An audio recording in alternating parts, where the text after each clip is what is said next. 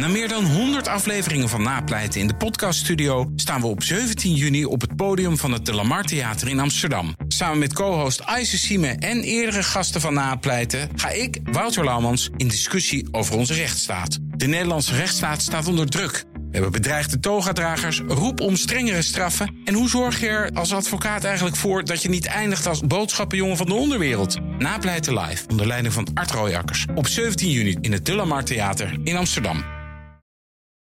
2000 keer per maand worden klantgegevens gelekt. Inloggen met alleen een wachtwoord is nooit genoeg. U respecteert uw klanten en voegt dus sterke authenticatie toe. Tunix Key App is dé oplossing. Test het zelf op stopdatalekken.nl. Hartelijk welkom bij Technoloog nummer 155. Hey Ben. Ja. Hey Herbert. Hallo. En we hebben een uh, speciale gast. Een hele speciale. En die heet Guido van Rossum. Hallo ja. Guido. Hallo. Ja. Guido is uh, de bedenker van de computertaal Python. Ja. En uh, je bent hier in Nederland voor eventjes, hè, want je woont in Amerika. Klopt. Um, om bij het Centrum Wiskunde en Informatica een titel in ontvangst te nemen. Ja, een soort uh, Lifetime Achievement Award. Oh ja, ik weet niet precies waar het voor is. Het, het heet de Dijk, Dijkstra Fellowship. Ja, ik, ik, praat helemaal Engels natuurlijk. Je hebt een prachtig Amerikaans en, uh, accent uh, opgedaan. Ja, dat wordt me uitgereikt omdat ik Python heb uitgevonden. Ja, dat is mooi. Ben, ben, je daar blij mee? Ja, de, de, ja natuurlijk. Je zeggen ik loop naast mijn schoenen van trots. ja, geweldig. Nee, maar je bent er ook gewoon voor overgevlogen, hè? Ja. Ja. Klopt. Ja, ik kan niet inschatten, die Dijkstra, ik ken hem niet. Maar Dijkstra is, een, is een levende, nee, is een dode legende. Dode legende. Hij, hij, is overleden, maar, maar het is echt een, een Nederlandse corifee. Dijkstra was de eerste Nederlandse informaticus, zeg maar. Kun jij schetsen hoe groot Dijkstra geweest is? Uh, Edsger Dijkstra trouwens. Edsger Dijkstra, Edsger W. Dijkstra. Uh, hij is wereldberoemd. Ja. Uh, in, in de programmeerwereld wordt hij nog steeds geciteerd. Hij wat, heeft zich over allerlei dingen gedaan, uitgevonden, bedacht. ik heb dat even niet voorbereid. Nou, daar heb, ik, heb ik, heel ja, ik heb ook geen, geen hele biografie van Dijkstra Gaaf. in mijn hoofd. Nee, ik dat geloof dat hij iets met semaforen heeft uitgevonden. Uh, hij heeft iets over uh, go-to being harmful geschreven. Goed. Van alles. Ja, we zullen je niet over horen op dat punt. Nee, dat nee. lijkt me ook niet. Maar jij hebt Python bedacht. Python en... zeg je toch gewoon? Of zeg je het op zijn Nederlands? Ja, wat vind jij eigenlijk? Ja, Python. Het, nou, ik zeg altijd Python, want ik, ik praat over computers eigenlijk alleen maar in het Engels. Dus ik, ik ben geen autoriteit maar dan zou je hoe Python je in Nederland moet zeggen. zeggen. Ik zeg dus ook Python. Oh, precies. Ja, ja. Ja. ja. Oké, okay, helder. Oké. Okay. Mooi. Um, ja, uh, vertel, uh, Python is een programmeertaal. Uh, die heb jij bedacht, als ik me goed herinner, in, ik heb het opgezocht volgens mij in 1989. Ja, December 1989 had je iets nodig om, met, om de kerst mee door te komen. Dat is ongeveer wat ik gelezen ja, heb. het was, het, het was een soort hobbyproject. Maar ik had, ja. ik had natuurlijk ook wel een, ik had wel een, een beetje een visie voor ogen. Ik wilde een programmeertaal waar ik sneller kon programmeren dan in C. Ja. En het moest dus een, een heel hoog niveau taal worden. Ja.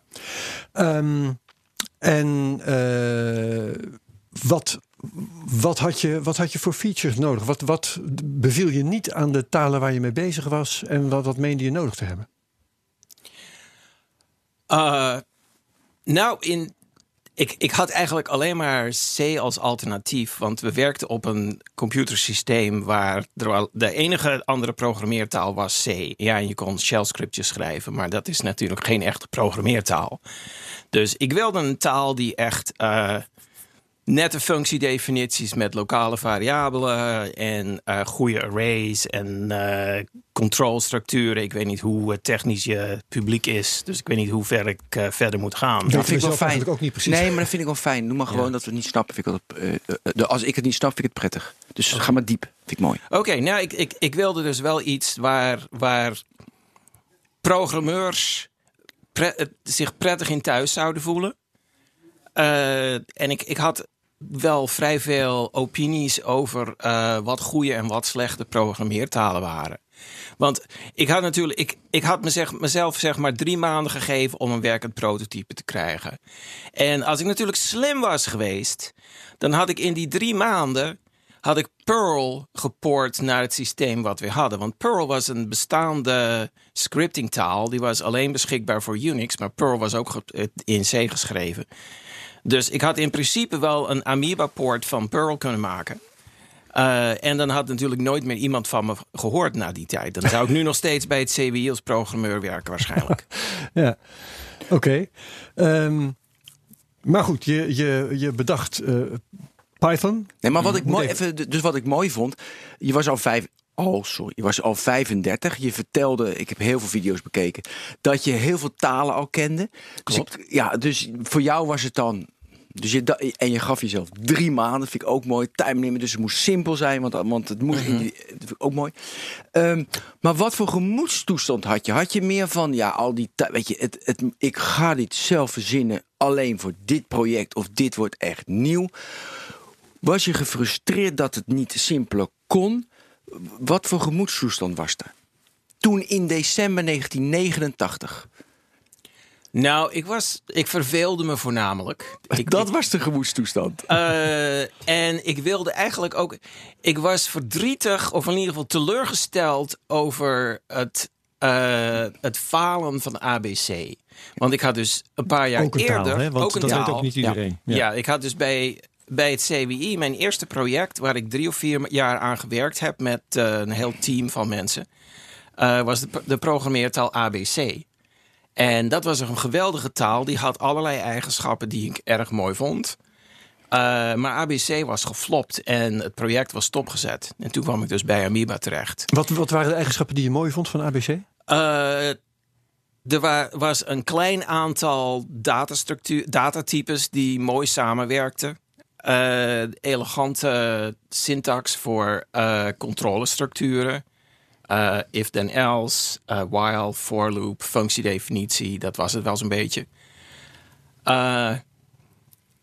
geen type declaraties van variabelen.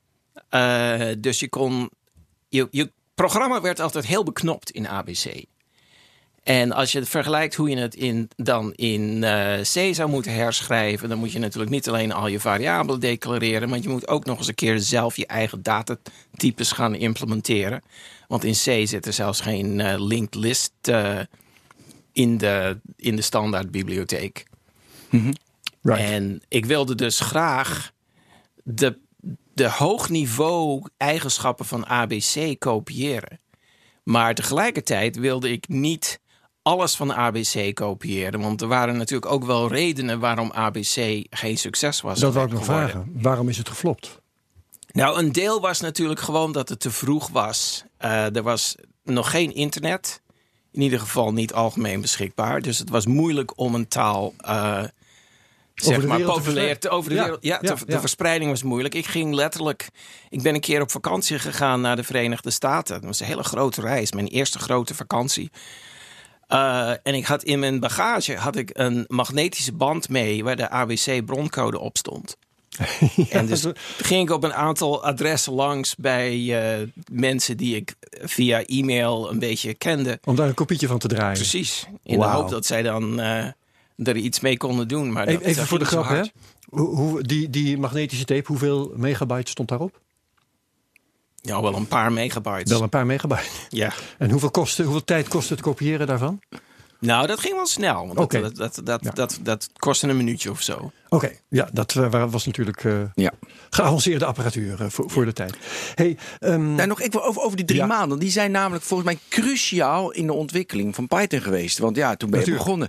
Dus je was een beetje verveeld. Toen je bezig was, had je van... Ik ben nu met iets briljants bezig. Of was het neutraal? Of was het gewoon werk? Had je door Nou. dat, het, dat het... Had je iets door? dat het 30 jaar zou Ja. eh, overleven. Ja, had ik langer. absoluut niet verwacht. Het, ik vond het een ontzettend interessant project. Ik vond het veel leuker dan mijn dag, dagtaak, zeg maar. Het schrijven van de utilities voor Amoeba, ja, dat, dat eh, kon ik in mijn slaap wel doen. Maar een nieuwe programmeertaal Ja, dat is- implementeren had ik nog nooit van, van nul af aan zelf gedaan natuurlijk. En deed je het helemaal alleen? Of waren er toch collega's waarmee je besprak van... Hey, hoe, dus hoe los ik dit op of dat op? In de eerste drie maanden, voor zover ik me herinner, heb ik het allemaal alleen gedaan. Toen ik, toen ik eenmaal een werkend prototype had, heb ik het wel meteen aan collega's laten zien. Hoe, En hoe waren de eerste reacties? Uh, nou, mijn, mijn kamergenoten die ook op het uh, Amoeba-project wer werkten, die waren meteen enthousiast. Die vonden het, uh, die waren ook wel een beetje bekend met ABC. Die hadden daar wel eens van gehoord of misschien zelfs wel eens mee gespeeld. En die vonden het erg leuk dat ze nu zoiets als ABC uh, voor Amoeba beschikbaar hadden. Ja. En Jo, ja, ik liet het, ik liet het ook uh, meteen vol trots aan Lambert Meertens zien. Lambert was de, de, zeg maar de primaire ontwerper van ABC. En uh, ik liet hem een paar dingen zien. Ja, er zijn variabelen, expressies en lijsten. En hier kun je iets in een lijst stoppen. En toen zei Lambert, geef mij het toetsenbord even. Laat mij maar even. Toen, toen typte hij twee regels in. En toen crashte Python. En jij dacht, mooi, de kan ik het verbeteren. Nee, nou, dat had ik even niet verwacht. Nee, nee. Want hij wist... Oh, hij wist hij, natuurlijk precies wat... Hij wist, omdat hij natuurlijk zelf ook zo lang met ABC ja. was bezig geweest... wist hij precies waar de zwakke plek zat ja. in mijn datatype. En hij dacht van, Guido heeft vast... Uh, te snel gewerkt om uh, hieraan te denken. Ja. Ja, ja, dat was natuurlijk de, binnen twee uur was het opgelost. Ja, ja, ja. En het zit nog steeds, uh, die, die, de rare code die nodig was om dat op te lossen, uh, die, die bestaat nog steeds. Ja. Wat ik wel heb zitten denken, um, in, in, uh, terwijl ik hierover aan het lezen was, inderdaad kwam ik tegen dat, dat ABC dat het eigenlijk best leuk was. En dat je een aantal dingen van ABC hebt meegenomen. Ik heb ook gelezen dat um, een van de factoren waardoor ABC is gefaald, dat dat te maken had met dat er geen internet was. En dat dat was een succesfactor mm -hmm. van Python. Wat zou er nou gebeurd zijn, denk je, als jij uh, ABC gewoon een nieuwe naam had gegeven, bijvoorbeeld Python, um, in dat tijdperk dat er dan eenmaal wel internet was, mm -hmm. waarin jij uh, dat begon uh, te, te verspreiden. Zou het dan alsnog een succes zijn geworden? Of waren er toch dingen in ABC die niet konden en die in Python veel beter waren? Nee, er zijn natuurlijk wel. ABC had een heleboel eigenschappen. Uh, en ongeveer de helft van de eigenschappen van ABC, daar was ik erg tevreden mee. Die heb ik precies in Python gekopieerd. En de andere helft van ABC's eigenschappen, daar was ik helemaal niet tevreden mee. Okay. En daar heb ik dus juist het omgekeerde gedaan. Bijvoorbeeld in ABC zijn de keywords van de taal, die zijn allemaal in hoofdletters. Mm -hmm. uh, maar ik schreef Python voor in essentie een publiek van Unix-programmeurs. Uh, en in, om Unix uh, ziet alles wat in hoofdletters geschreven is, ziet eruit alsof je aan het schreeuwen bent. Of of je nog in het ponskade-tijdperk leeft. Ja. Dus dat was een van de verschillen. Ik had ook bedacht dat ABC was eigenlijk zijn eigen programmeeromgeving. En je had daar geen andere software voor nodig. ABC was oorspronkelijk bedoeld om zeg maar op een kleine personal computer te draaien. Uh, en eigenlijk als je de computer aanzet, dan uh, zodra alles uh, warm gelopen is, warm geworden is, dan heb je ABC. En dat is alles wat je hebt. Maar Python was bedoeld om zeg maar een van de tools in een omgeving zoals Unix te bestaan. En dus Python moest niet zelf een teksteditor ingebouwd hebben. Uh, want er waren al teksteditors en daar was ik al heel tevreden mee. En ja. dat, dat soort dingen heb ik dus allemaal veranderd. Ja. En ik heb de, ja, de, de definitie en aanroep van functies heb ik wat versimpeld. En aantal uh, ingewikkelde dingen uit ABC die ik nooit in drie maanden zou hebben kunnen implementeren, die heb ik ook maar uitgelaten. Ja. Hey, um, even een, een zijpad. Wat mij opvalt, dat is dat het nu niet op de dag af, maar wel op de maand af, zo'n beetje 30 jaar geleden is dat je ermee begonnen bent. Um, het lijkt wel alsof hier een jubileum wordt gevierd, terwijl het toch, uh, ja, je krijgt een fellowship van de Universiteit van Amsterdam. Um, die kunnen moeilijk hun fellowship hebben afge, uh, afgestemd op de verjaardag van jouw Python. Dus is dat toeval of niet? Ik denk dat het jou? toeval is. Ja, ja, en het, het is ook. Ze okay. het, als ze het precies op de 30 jaar hadden willen doen, hadden ze dat feestje wel... natuurlijk wel een maand later kunnen houden. Dat is waar. Ja, ja, ja. Maar goed, het is een. Uh... Maar ja, dat is in december en is iedereen op kerstreces. En dat, nee, dat... maar we. Dat nou, misschien best... merk ik morgen dat het wel geen toeval is. Ja. Maar, uh... Dus dus. Uh, Oké, okay, dus toen had je het. Nou, dus je liet het zien. eh, aan Lambert Meertens. En die had twee dingetjes. En daarna, wat, wat, toen was het top. Iedereen was enthousiast. Nou, binnen het CWI eh, brak het meteen door. Dus de, het begon met mijn twee kamergenoten, Jack en Short. Eh, en voor ik het wist, eh, waren er overal op het CWI waren mensen die waren op Python aan het gebruiken. En die schreven kleine scriptjes in Python. En ik kreeg eh, bug reports en eh, ideeën voor nieuwe features. Reports over de taal zelf. Over de taal, ja. Precies, ja. En iemand kwam ook meteen naar me toe en die zei: Ik heb een klein eh, Emacs List programmaatje geschreven, zodat je je Python files mooi in Emacs kunt editen. En dat het automatisch de indentatie goed krijgt. Dus eh, Ja. ja. dat, nou, dat, dat werd, werd meteen, eh, zeg maar, succesvol. Ja, Een beetje, op kleine schaal. binnen het CWI, precies. Ja, en wat waren de elementen dat het succesvol werd? Waarom dachten wij van, ja mooi, het is simpel hoor ik voor iedereen. Zijn packages, is heel makkelijk. Dus wil je dat even dus beschrijven? Uh, nou, Python is dus. Aan de ene kant is het een echte programmeertaal.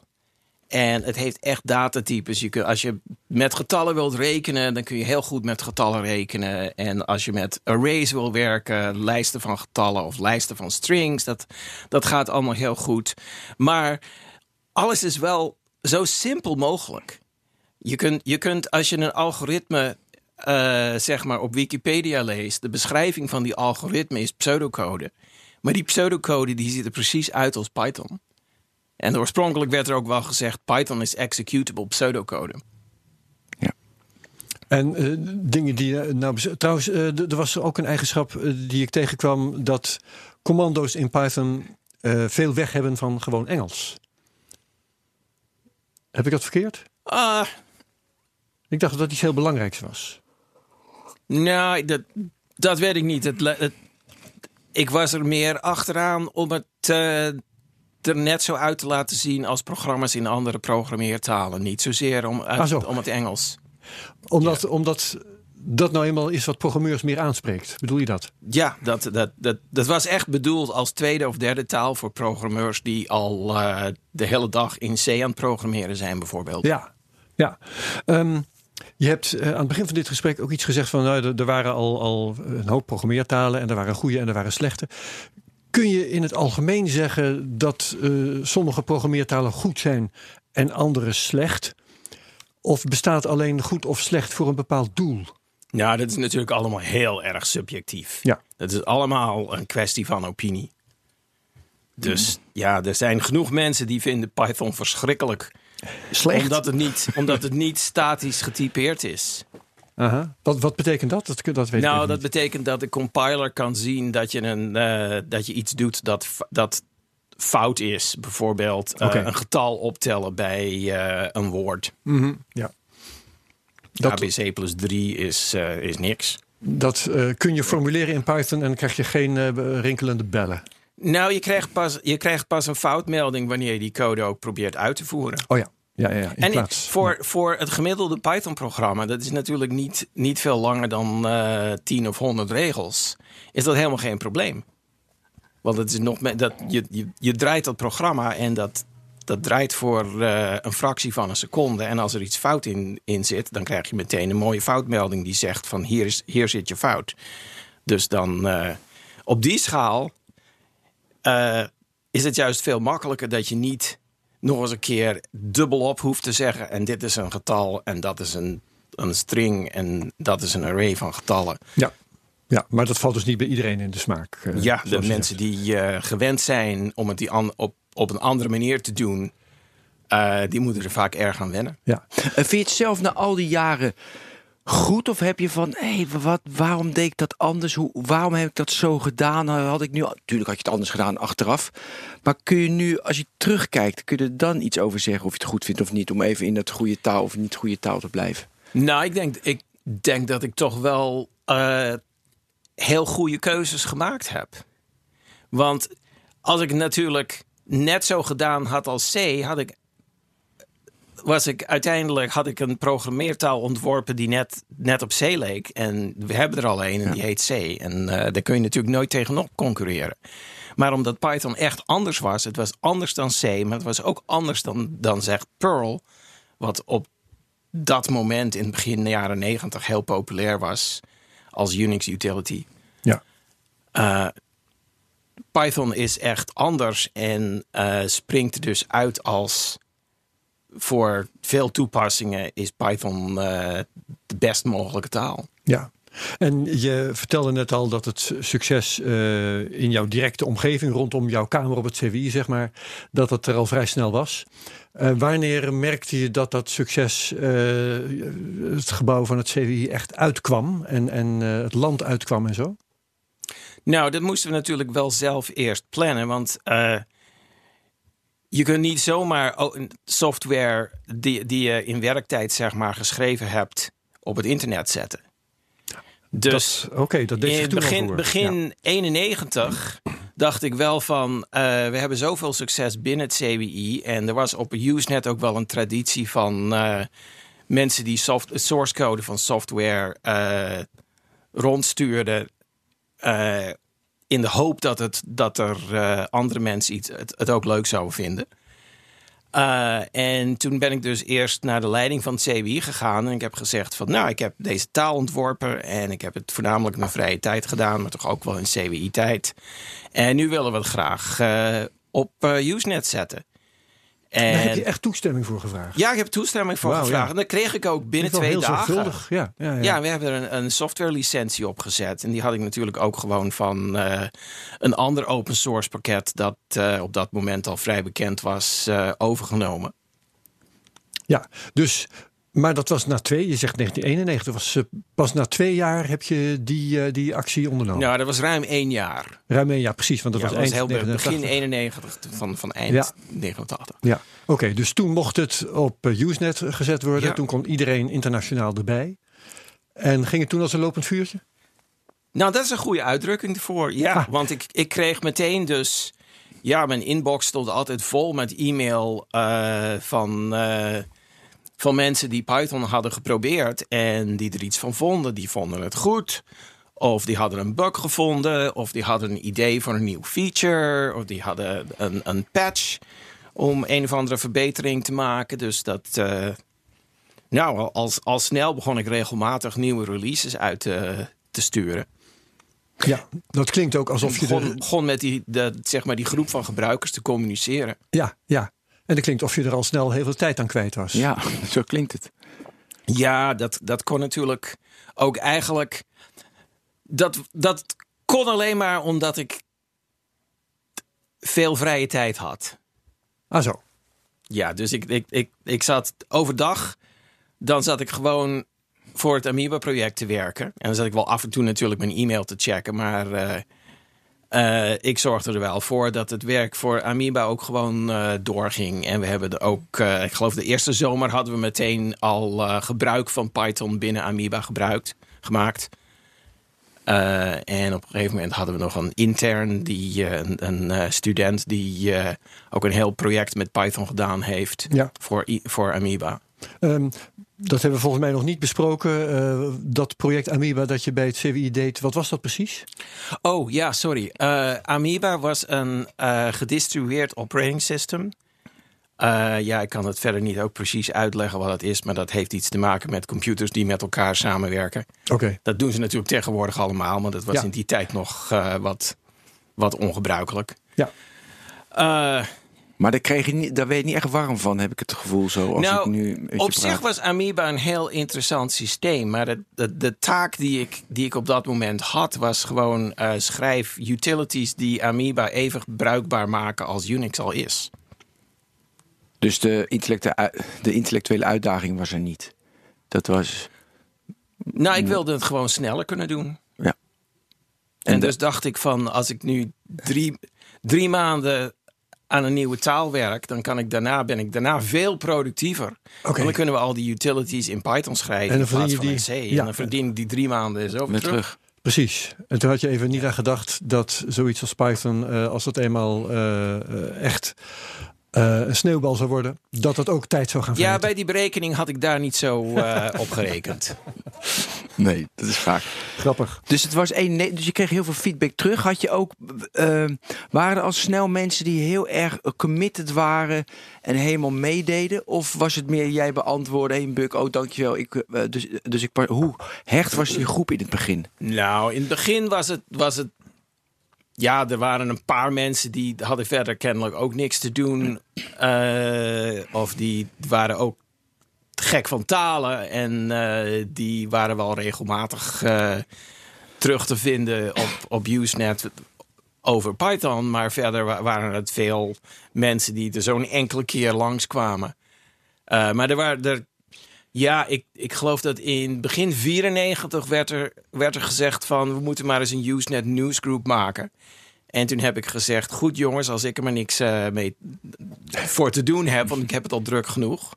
En dat is dus toen gebeurd. En toen werd er meteen gevraagd van... nou, Python is nu, nu toch wel zo belangrijk voor sommige projecten. Wat moeten, zouden we nu moeten doen als Guido onder de bus komt? Ja.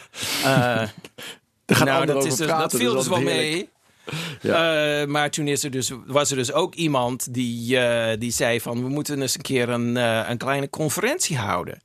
Eh, Guido, wil je misschien eh, voor een paar maanden naar Amerika komen? Dan eh, organiseren we een workshop.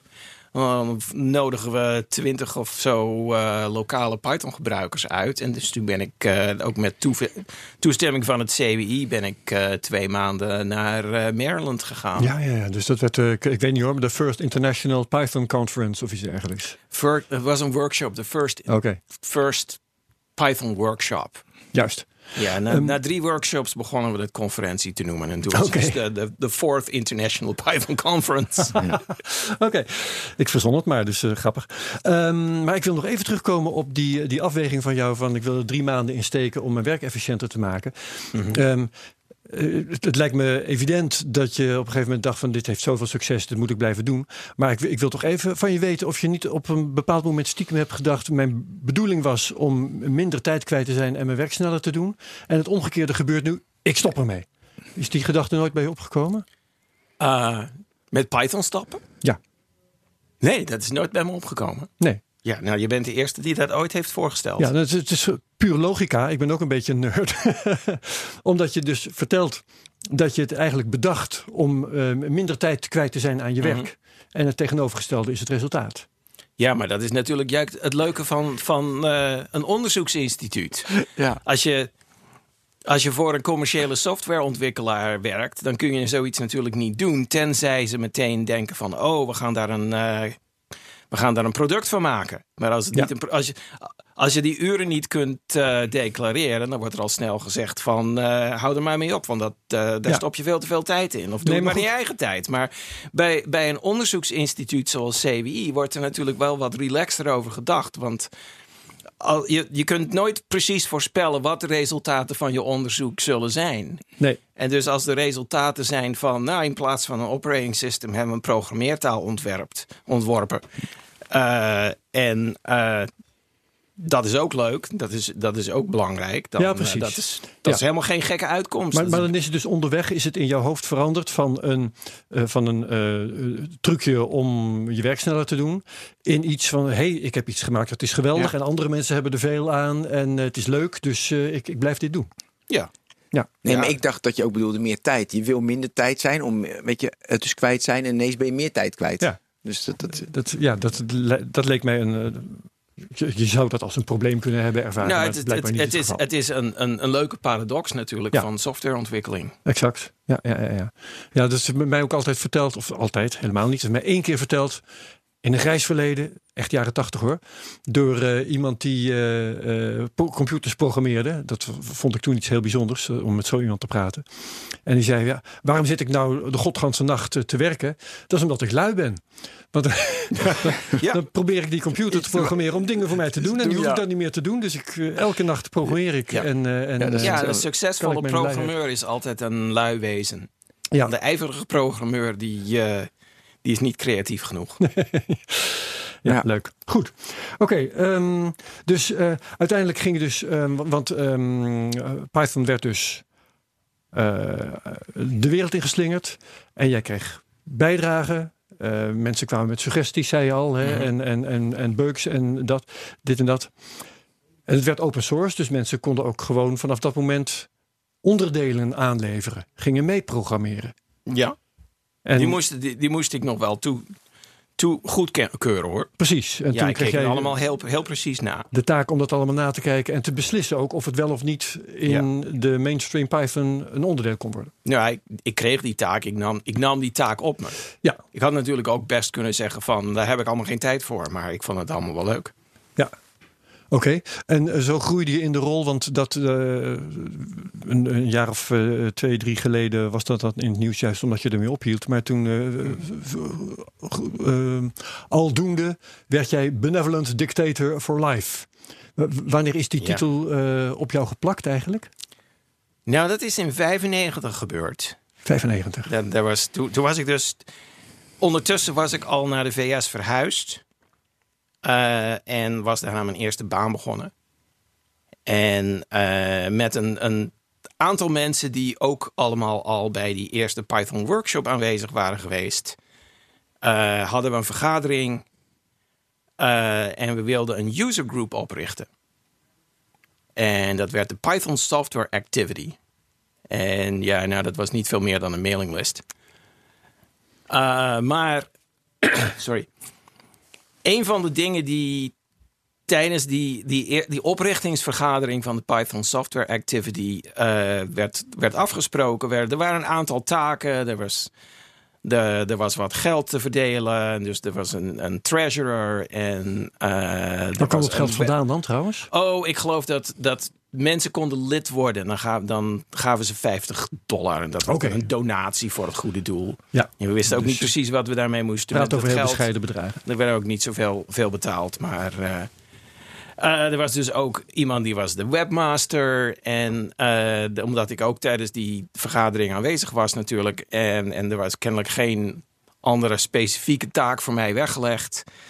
eh, had Ken Manheimer die de...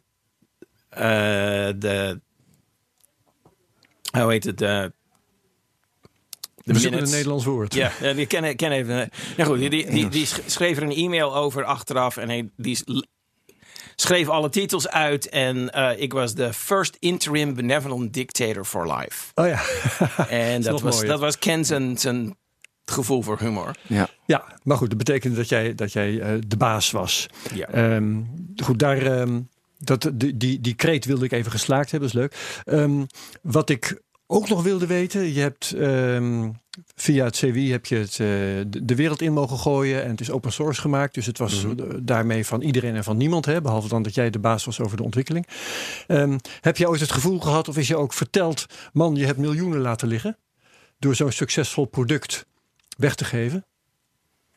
Ja, maar dat, dat, is, dat valt natuurlijk ook allemaal wel mee. Mhm. Want ik heb natuurlijk ook wel weer miljoenen verdiend door bij Google en Dropbox te werken. En anders had je dat ook niet. En, eh, en, eh, en als ik natuurlijk in het begin eh, gedacht had van... eh, oh, die taal die ik ontwikkeld heb, die is zo goed. Die ga ik verkopen voor geld. ja, nou was het misschien was nooit wereldwijd. Had Nooit ik, zo'n had succes ik, geworden. ja, dat was, dat was, had ik misschien tien, tien kopietjes ge- verkocht voor 50 gulden elk. Ja. Ja. Maar dat had je ook van tevoren is ook niet bedacht. Hè? Of had je van tevoren, ik moet het eh, op Usenet zetten, open source. Of, of zat er een plan achter? Of was dat meer het systeem Eh, op, eh, in die tijd? Aan de ene kant was dat, was dat zeg maar eh, heel gebruikelijk. Er waren allerlei dingen die op Usenet gezet werden. Eh, aan de andere kant had ik er wel bewust over nagedacht van programmeertalen. Die zijn wel heel moeilijk te verkopen. Een nieuwe, wie- gaat er nu geld betalen voor een compiler van een nieuwe programmeertaal waar nog nooit iemand van gehoord heeft? Weet ik eigenlijk niet. Die Hoeveel, niemand hoeveel, gebruikt, gebruikt, niemand die de, gebruikt die taal nog. Hoe, hoeveel dat- programmeertalen zijn er eigenlijk die als commercieel product worden verkocht? Ik heb geen idee. Nou, je kunt natuurlijk wel commercieel kun je een extra optimaliserende C++ compiler kopen. Mhm. En er zijn er wel een aantal andere talen die ook, eh, waar je compilers voor kunt kopen. Maar over het algemeen zijn zelfs, zelfs talen als eh, Java en JavaScript, de, de implementaties zijn allemaal open source. Juist. Ja, dus dat is niet gebruikelijk.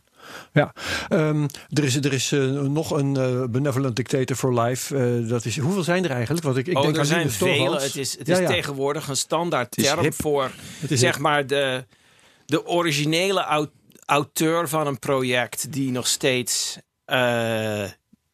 de, zeg maar, de topautoriteit is. Ja. En in heel enkele gevallen wordt het ook gebruikt voor zeg maar een aangewezen opvolger als het één persoon is. Juist. Nou, waar ik naartoe wilde is Linus Torvalds van Linux. Is, is ook ja. zo iemand. Die wordt nu ook BDFL genoemd. Ja, precies. En uh, van hem is bekend dat ze uh, niet zo lang geleden, of misschien moet ik zeggen periodiek, uh, sloegen bij hem de stoppen door als hij het gezeur weer eens zat was. Heb jij dat ooit gehad? Nou ja, je hebt dus drie jaar geleden ben je ermee gestopt omdat je het zat was. Maar hoe heb jij die, de last die dat met zich meebrengt, alle de, de managementtaak zeg maar, ervaren? Uh, ja, ik ben niet zo erg van uh, alles stoppen, doorslaan en de flink schelden geslagen. Dat, nee. dat, dat is mijn, niet, niet mijn natuur. Ik ben meer van Oh, ik, dat, ik word er wel erg gestrest van. Uh, nou moeten ze toch wel eens een keertje ophouden met ruzie maken, want uh, dat wil ik helemaal niet. En dus ik heb wel af en toe uh, een beetje last van burn-out gehad. Ja, ja.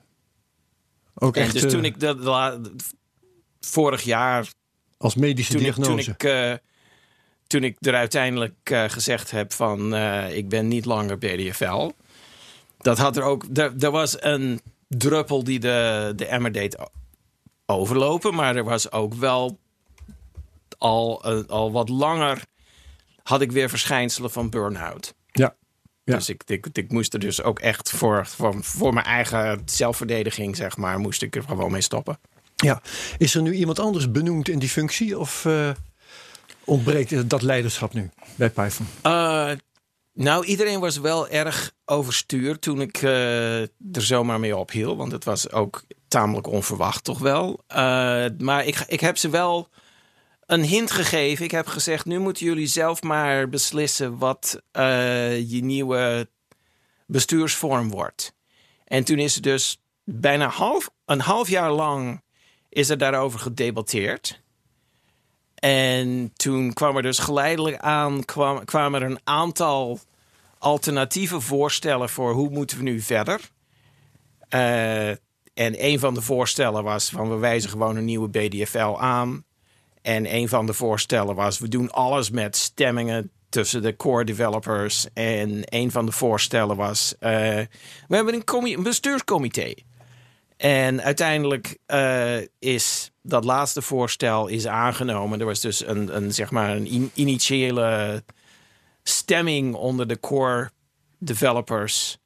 Uh, waar die, al die voorstellen tegen elkaar werden afgezet. En uh, het steering, de steering council van vijf personen die won overtuigend. En toen hebben we daarna dus meteen echt verkiezingen uitgeroepen voor wie moet er dan op die steering council dienst gaan nemen. En toen heb ik, dacht ik op een gegeven moment wel van ja, dan moet ik voor de, voor de zekerheid, voor de continuïteit, kan, kan ik daar ook wel een van die vijf van zijn. Dus zet ik mezelf maar verkiesbaar. Oké. Dus dat. Dus dat is nu de organisatie. Ja. Um, ik wil naar die programmeertalen. Kijk, wij hebben taal zoals wij spreken, is van, door de millennia is dat ontwikkeld. En we spreken nu, maar het is altijd een zwak aftreksel van wat ik wil zeggen. En wat mensen horen is ook weer. Het is altijd het is een model. Heb je nu, als je naar programmeertalen kijkt, van hey, het is ook ontwikkeld natuurlijk. Uh, dat, en Python is nu één van de, de nummer drie staat het nu. Uh, heb je van hey, dat had eigenlijk anders ontwikkeld moeten worden. Stel je voor, het is nu allemaal leeg. Zou je het dan anders maken om computers te programmeren? Of werkt dat zo niet? Ja, mijn gedachte daarover is inderdaad, dat werkt helemaal niet zo. Nee. Uh, een taal evolueert ook in zekere zin. En die, die evolutie is natuurlijk wel, gaat wel heel snel soms. En dat is, dat is niet, niet echt random. Maar het is wel één stap, één stap per keer. Je, je, je neemt een stap en dan kijk je zo om je heen. En dan bedenk je in welke richting je nu weer eens een stap gaan, gaat nemen. Ja, noem eens zo'n stap die, die jullie hebben genomen. Dat je dacht van, hé, hey, dat is apart dat we die stap hebben genomen. Uh, ah, het enige voordeel, voorbeeld dat in me opkomt is erg technisch. Uh, nou, vind ik wel heerlijk. Py Python heeft op het ogenblik een feature die heet async def. Dat is zeg maar een uh, functiedefinitie, daar definieer je een coroutine mee. En coroutines kunnen goed gebruikt worden om uh, asynchrone netwerkoperaties te bewerken. Als iemand 20 jaar geleden precies dat voor, de, de syntax van dat async def had voorgesteld. Die, die syntax is ongelooflijk simpel. Maar dat zou, dat, dat zou ik nooit hebben geaccepteerd. En niemand anders zou gedacht hebben op dat moment dat is een goed idee. Maar een aantal andere ontwikkelingen die helemaal niks met asynchrone netwerkbewerking te maken hadden, die maken die beslissing die maakten mogelijk. het uiteindelijk mogelijk. Ja, mogelijk, ja. En iedere keer komt er weer, oh, nou hebben we dit gedaan. En nu beginnen de gebruikers opeens allemaal heel vreemde dingen te doen. Kennelijk waren ze op zoek naar, naar iets.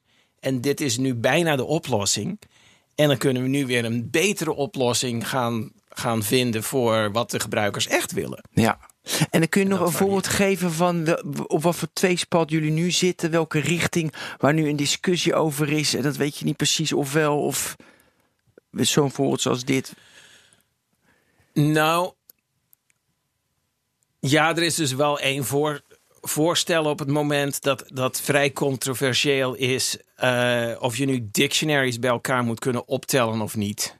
Dat wil zeggen dat uh, je de keys en values van twee dictionaries met elkaar uh, inmengt. En of, of dat nu met een plus of met een set union operatie geschreven moet worden. Of dat we dat maar beter helemaal niet kunnen doen. Dat is ja. tamelijk controversieel. Ja. Maar en dat heb je dus in die groep constant dat soort discussies. En dan... Oh ja. Const ja, zeker constant. En moet je ook dingen terugdraaien? Want uh, we hebben, zijn naar rechts gegaan, we hebben dat besloten. En werkt niet. Op, als het op grote schaal is of als er. Je kunt eigenlijk nooit echt iets helemaal terugdraaien. Want er is altijd wel. Zodra je een feature in de taal stopt, dan zijn er mensen die dat gebruiken. Ja, en, anders... en het beste wat je kunt doen is is op een gegeven moment deprecatie invoeren van uh, een oude feature waar je het niet langer mee eens bent. En voor kleine dingen doen we dat dus wel, wel constant. In iedere nieuwe versie van Python zijn er wel een paar kleine ja. Hoekjes waar iets gedeprekeerd wordt. Maar uh, over het algemeen zeggen we wel van we denken overal goed over na voordat we stap nemen. Maar dan, dan, dan gaan we er ook voor. -hmm. Jij hebt in 1989 vastgesteld dat er behoefte was aan een nieuwe programmeertaal. Ik kan me voorstellen dat dat toch eens in zoveel tijd door de technologische ontwikkelingen dat zo'n situatie zich weer voordoet. Uh, ja. weet, ik heb er zelf geen verstand van, maar uh, we hebben nu kunstmatige intelligentie bijvoorbeeld, neurale netwerken. Uh, we hebben we, op, op handen zijn de quantum computing, dat, dat, dat komt eraan. Is er op dit moment behoefte aan een nieuwe programmeertaal?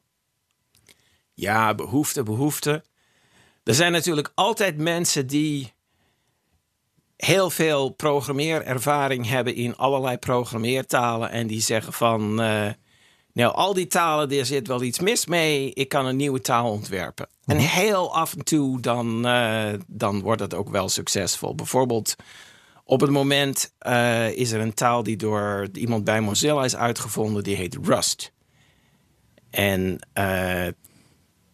nou, als je daar al van gehoord hebt, dan uh, mag je zelf wel een veer in je hoed steken. Want, uh, heb ik niet. Nu ben ik zo een, benieuwd. Nou, er zijn vast wel luisteraars ja, leuk, die ervan gaaf. gehoord hebben. Ja. dat, is, dat is een interessante nieuwe programmeertaal. Okay.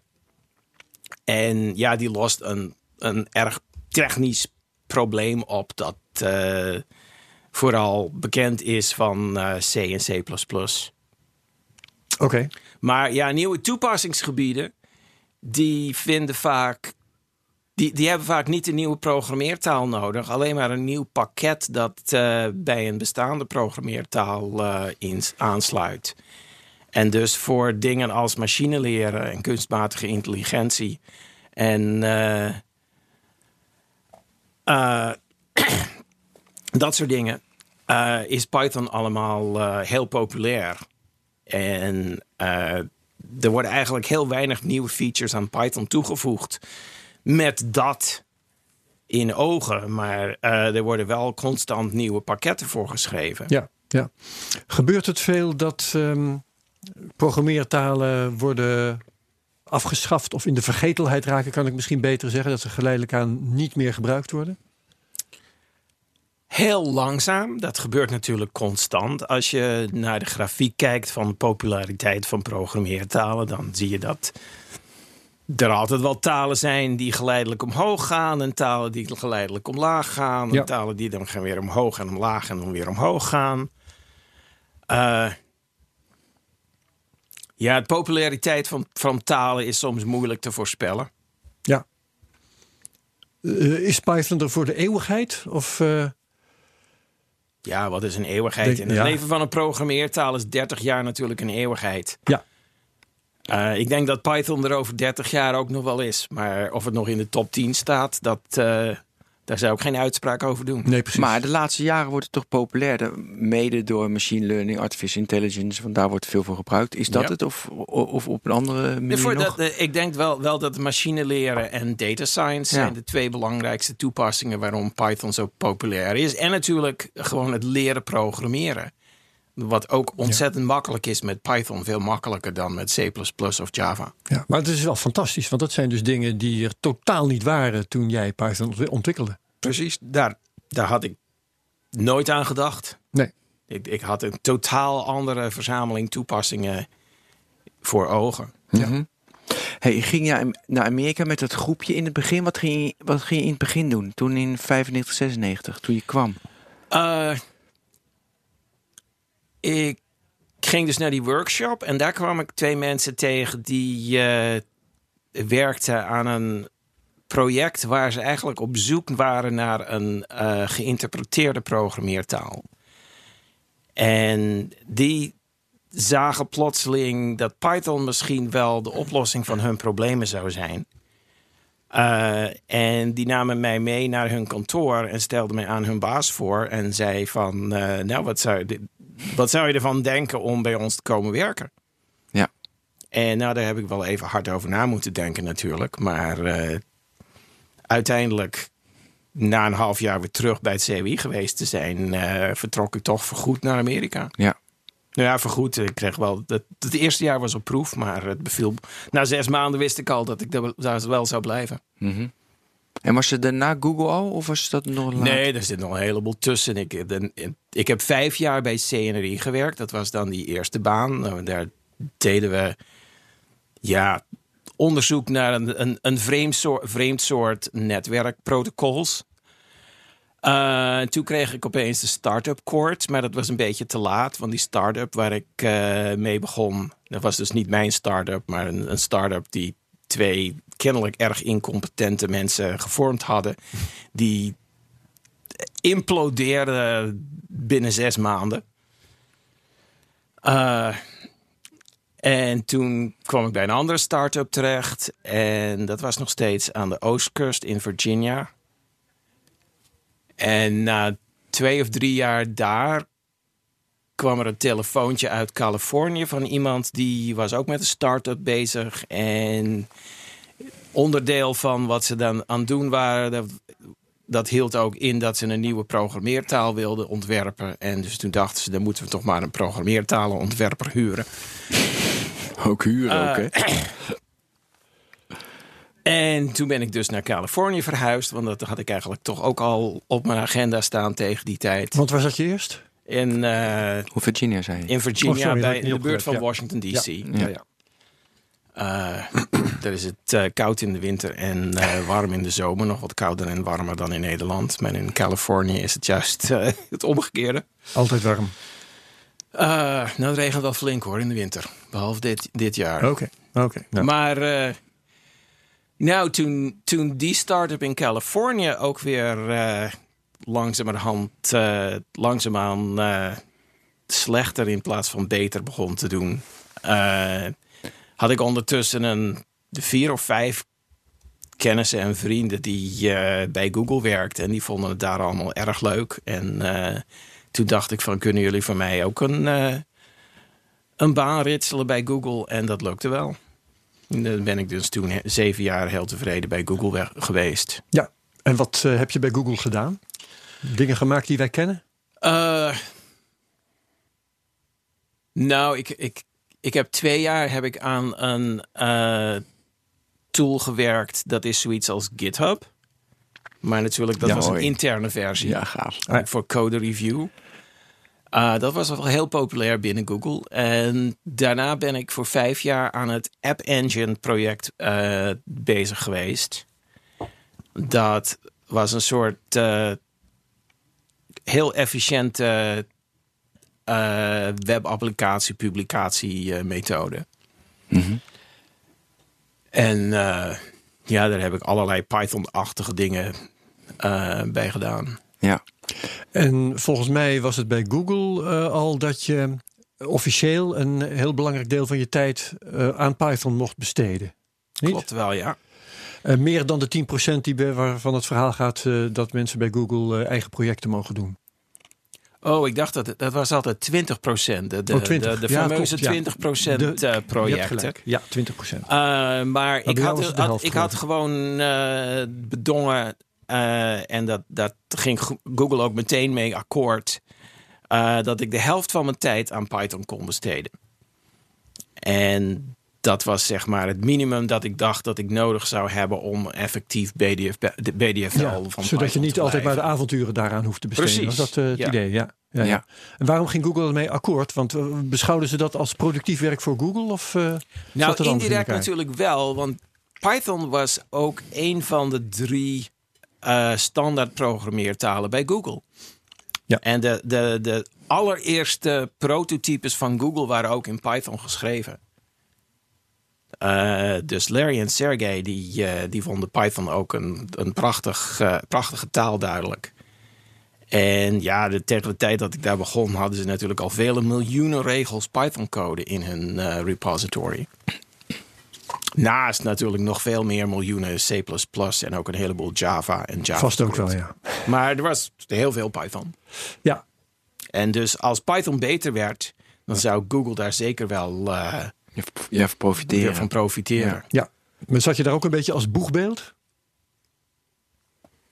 Nou, dat zou je aan iemand anders moeten vragen. Dat, uh, als dat het geval was, dan, dan heb ik dat zelf niet zo uh, in de gaten gehad. Nee, nee. Want ik, zat, ik zat gewoon uh, lekker, lekker achter mijn eh, bureau software te schrijven. Ja, ja, ja. Je hoeft er Ja, geen... ik, ik, eh, ik, ik, ik ging de wereld niet over om lezingen over Google te houden of, uh, Nee. of zoiets. nee, Ja, dus daar bemoei je niet mee. Want dat had het ook nog een vraag over. Want Lambert Meertens, weet je, hem nog bij het, bij het CWI, die was voorzitter van de PSP. In een van de talks die ik luisterde, wat noemde die Ja. ook een politieke Ja, partij. precies. Vond ik interessant. Dus de PSP, dat is behoorlijk links.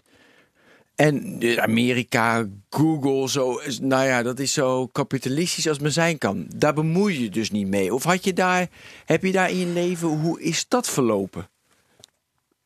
Nou, ik ben natuurlijk politiek gezien ben ik wel progressief. Daar, daar, dat, dat vind ik wel. Ja, PSP is progressief, was dat ook, ja. en ik, ja, ik heb dus. Lambert bij de, bij de PSP leren kennen. Ja, ja, precies. Want toen moesten jullie, dat vond ik ook zo'n mooi verhaal. Toen moest jij iets schrijven. Je moest, oh, dat was ook, dat heb ik vanmorgen geluisterd, ja. Ja, de, P- de PSP die was, was. Eindelijk hadden ze een computer aangeschaft. Dat En die moest geprogrammeerd worden, maar de programmeurs moesten ook PSP-leden zijn. Want ze waren allemaal heel erg paranoïde over de beveiliging, de Nederlandse Veiligheidsdienst, die misschien wel. eh Nou, maar dat het was denk ik terecht in de jaren. 70 En dat was natuurlijk ook Ja, dat wel was het terecht. Wel socialistische code zijn, Ja. hè? anders Ja. kan het niet. Ja. Nou, de- Ja, dat kan ook niet. Oké, maar toen dus het kapitalistische eh, van Google, Dropbox, later, Amerika, dat is nooit dat je dacht van, hé, hey, dat is best wel apart.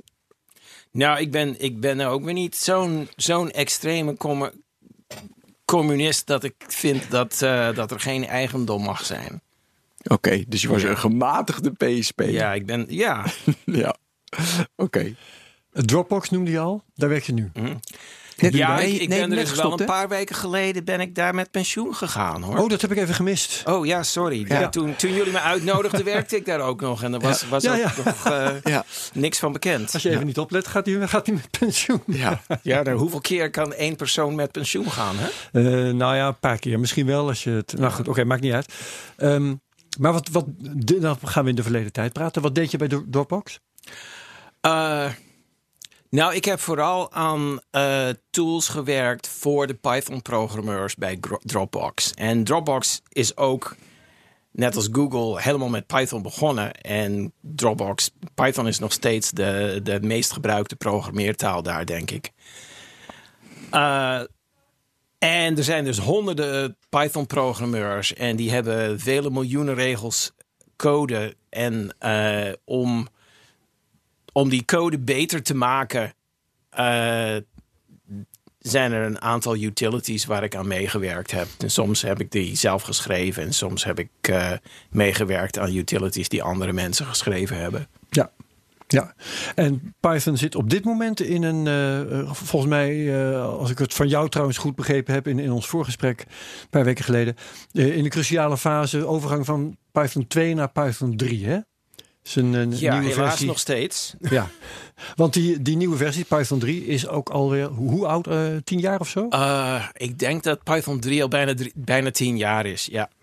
Waarom gaat dat zo langzaam, die overstap? Nou, dat was eigenlijk wel een misrekening van mijzelf en de, de core developers. We hadden zwaar onderschat hoe populair Python was. En toen we dus een. Het was voor ons allemaal volkomen duidelijk dat er een nieuwe versie moest komen. En eens maar nooit weer moest, die nieuwe, moest er een nieuwe versie komen die niet helemaal 100% backwards compatible was met de oude versie. Ah zo. Maar wat, waar we dus niet op gerekend hadden, was dat er al zoveel mensen waren die allemaal heel krakkemikkige Python 2 code hadden geschreven. En die ook helemaal geen zin hadden om die code weer naar Python 3 over te schrijven. En En dan wordt populariteit een probleem. ja, en het bleek dus dat er gewoon na vijf jaar dachten we van, eh, nou nu kunnen we de Python 2 kraan wel eh, dichtzetten, maar dat, daar, dat, daar bleek luid protest tegen te komen. Want iedereen was nog steeds niet, niet eens begonnen met hun overgang naar Python 3. En toen hebben we dus gezegd van, nou oké, dat, dat, dat, is wel duidelijk dat we, dat we dat verkeerd ingeschat hebben. Dan verschuiven we de, het einde van het leven van Python 2 van eh, 2015 naar 2020. En dat heb ik toen op een conferentie aange- aangekondigd. Maar wel ook tegelijk gezegd van ja, maar we moeten nog steeds naar Python 3 overgaan. Er komen geen nieuwe versies van Python 2 uit. Eh, en daar hebben we ons aan gehouden. En we zijn dus eh, nou, over een maand of zo, anderhalve maand, is officieel het einde van Python 2 eh, gaat in. En wat, wat betekent dat dan? Het betekent toch niet dat code die geschreven is in Python 2 ophoudt met werken? Nou, we hebben natuurlijk ook geen, eh, geen tijdbom ingestopt. Dus die Python 2 interpreter die blijft heus wel gewoon werken. Maar eh, die krijgt geen updates meer. Dat is het. Dus als, als er ooit een eh, beveiligingsfout ingevonden wordt, dan, dan trekken wij onze handen daarvan af. Ja, Dat dus is je eigen verantwoordelijkheid. En voor heel veel fouten in Python 2 is het standaard antwoord. Oh, dat is al verbeterd. Dat is, dat is opgelost in Python 3. Drie, ja. Maar dan moet je je code dus regel voor regel gaan nakijken. Ik kan me dat niet helemaal voorstellen hoor, maar zoiets moet je gaan Ja, doen. we, we, we, we hebben er wel utilities voor, maar die doen maar ongeveer 80% van het werk. En je moet dus dan even goed nog eh, wel goed testen en eh, de, de overige 20% eh, verbeteren Ja, ja, ja. Met, met de hand. de hand. Precies. Dus dat is veel werk naarmate je meer regels eh, code hebt liggen. Ja. Ja. En eh, ja, hoeveel partijen denk je dat er overblijven die dat eh, toch niet op tijd gedaan zullen hebben? Ja, daar. Er zullen natuurlijk heel veel mensen zijn die hebben nog ergens wel een Python 2 scriptje dra- draaien. Of misschien wel een hele Python 2 applicatie. Ik sprak ook gisteren met eh, een software developer in Engeland. Die, die heeft een bedrijf en die schrijven dan software, so- de custom software voor klanten. En die klanten zijn eigenlijk helemaal niet technisch. Die kunnen een computer kopen en die kunnen een softwarecontract eh, schrijven. Maar verder eh, hebben ze er geen verstand van hoe dat dan werkt. Dan komen gewoon elke maand komen daar rapporten uit of zo. Ja. Eh, ja, al die, al die applicaties die. Dat zou heel veel geld kosten om die te herschrijven. Dus eh, dat Ja. blijft gewoon in Python 2. En die klanten Ja, trekken die daar geen geld voor ja, uit. die willen die dat niet klanten willen daar niet de- extra voor betalen. Dus Ja. die, die applicaties die hebben ook maar een, een eindig leven natuurlijk. Want ja, na zeven jaar of zo dan eh, verandert er toch voldoende bij zo'n bedrijf dat ze dat, dat rapport niet meer gebruiken. Of dat het toch helemaal herschreven wordt. En dat, dan wordt er dus wel weer Ja. Python 3 gebruikt. Hoe zie jij de toekomst van Python? Oh, de, de toekomst eh, ziet er heel rooskleurig uit natuurlijk. Ja, nog steeds eh, Ja, groeiend ja, en zo. Ik, eh, ik neem aan, ik, ben, ik kom overal mensen tegen die zijn super enthousiast over Python in machine learning en natural language processing en data science. En dat, dat, dat blijft alleen maar groeien. Ja. En je bent nu met pensioen gegaan. Ehm, ik heb even je geboortedatum niet bij de hand, maar je bent volgens mij nog geen 65. Klopt, ik ben eh 63. Waarom ben je met pensioen gegaan? Eigen besluit? Eigen besluit, omdat ik eh, nou wel, wel lang genoeg gewerkt heb. Mhm. En ik heb voldoende, voldoende gespaard om eh, zelfs in Amerika met pensioen te kunnen. Ja. En betekent dit nu dat Maar- je alleen maar meer tijd hebt voor Python? Ja, of, of toch niet? de bijdrage die nog. Dus ga je heel Nou, actief ik- of ik ga je meer net- vissen? Ja, de vissen, dat vind ik maar niks. Maar ik ga wel fietsen en eh, wandelen en dergelijke dingen. plan. En eh, naar de vogeltjes kijken. Maar ik ga natuurlijk ook wel. Ik, ik heb ook al een paar hobbyprojecten uitgezocht van, van Dat is belangrijk om te doen. Python code. Ja, Ja. want dat, dat, dat, daar krijg ik natuurlijk ook intellectuele stimulatie Ja. van die ik op geen enkele andere manier krijg. Kortom, het bloed kruipt waar het niet gaan kan. Ja, maar ik wil nog even weten welke hobbyprojecten. Want dat is dus Zeker. belangrijk. Weet je? Ja. Dus, want weten Nou, een ook. van mijn hobbyprojecten is dus nog gewoon bij het bestuur van Python ja. eh, te, besturen. betrokken te blijven. Maar echt een, een codeproject Ja? is een nieuwe parser voor Python. En als ik, als ik geluk dat? heb, ja, dat, dat is dat zeg maar het begin van de compiler. Eh, en daar zijn, ja, de, de parser was ook het eerste ding dat ik schreef in 1989 nog. Ik begon eerst met de parser. En dus de, de huidige parser is 30 jaar oud. En er zijn wel wat verbeteringen eh, in, in de Heb ik het goed dat techniek van parsers, eh, waar ik nu, wel- nu wel eens eh, wat naar wil, wil kijken. Is, is, is dat zo'n ding dat kijkt of de de code ongeveer, ik zal maar zeggen, syntactisch correct is? Nou, de, ja, de mis? parser die, die zeg maar analyseert de syntax van de code. Ja. En dus ja, als het syntactisch niet correct is, dan zegt de parser. "Uh, uh." Doe dit even over. En ga je nu net zoals in 89 zelf daar naar kijken? Want mensen hebben het aangepast. Of nu wel met een team, met die mensen die, de- die in dat hele grote netwerk erin zitten. Dus hoe gaat dat nu? Of nog hetzelfde als toen?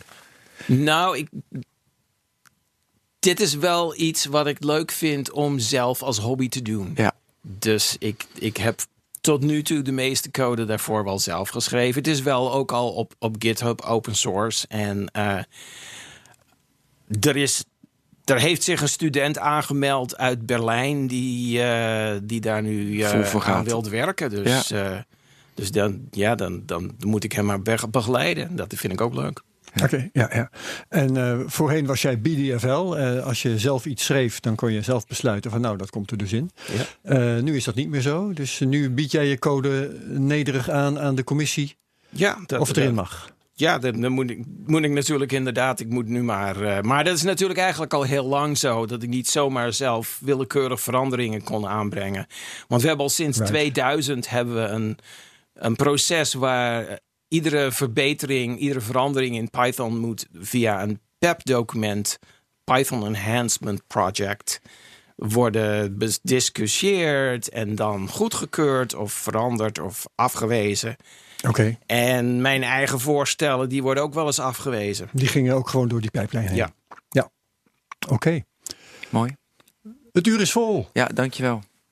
Guido van. Rossum, hartelijk dank. Het was Ja, leuk. Heel erg bedankt. Python. Herbert, en, eh, bedankt. gaat bij het Centrum Wiskunde Informatica straks zijn fellowship ophalen. Ja. Nog gefeliciteerd daarmee, hadden we dat al gezegd? Weet ik niet Bedankt. meer. Voor mij al Gefeliciteerd met eh, dit eerbetoon. Ja. Ben, dankjewel Ja, voor eh, deze technoloog. Luisteraars, bedankt. En tot de volgende Tot de technoloog. Dag. Dag.